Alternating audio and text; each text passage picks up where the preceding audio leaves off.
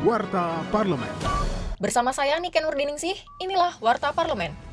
DPR RI menginisiasi cuti selama 40 hari bagi suami yang istrinya melahirkan dalam rancangan Undang-Undang Kesejahteraan Ibu dan Anak.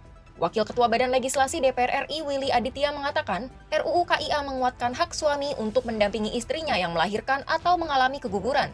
Usulan tersebut selaras dengan usulan terkait penambahan waktu cuti melahirkan bagi ibu bekerja dengan total cuti 6 bulan. Anggota Komisi 11 DPR RI ini menambahkan, RUU KIA sejalan dengan UNICEF yang mendorong para orang tua untuk setidaknya mengambil 6 bulan cuti untuk merawat anak. Warta Parlemen. Anggota Komisi 6 DPR RI Dayang Muhammad menekankan sistem perdagangan di Indonesia harus mampu memproteksi kebutuhan dalam negeri serta melakukan perdagangan global. Hal tersebut disampaikannya dalam rapat dengar pendapat umum Panja Komoditas bersama Profesor Roy Sembel. Ada kedaulatan pangan yang kita jaga, ada juga pertumbuhan ekonomi yang mampu kita optimalkan dari komoditi yang kita punya. Karena Prof juga menulis sini bahwa kita adalah gudang komoditas dunia.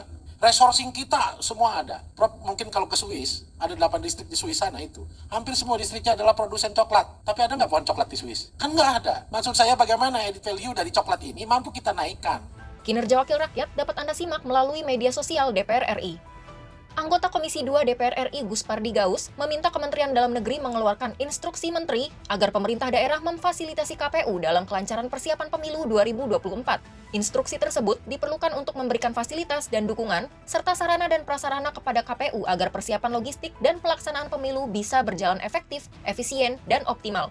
Terutama terkait anggaran, personel, dan logistik kepemiluan juga perlu dikoordinasikan sehingga pemilu 2024 dapat berjalan dengan baik. Televisi Radio Parlemen. Demikian Warta Parlemen, Produksi TV dan Radio Parlemen, Biro Pemberitaan Parlemen, Setjen DPR RI.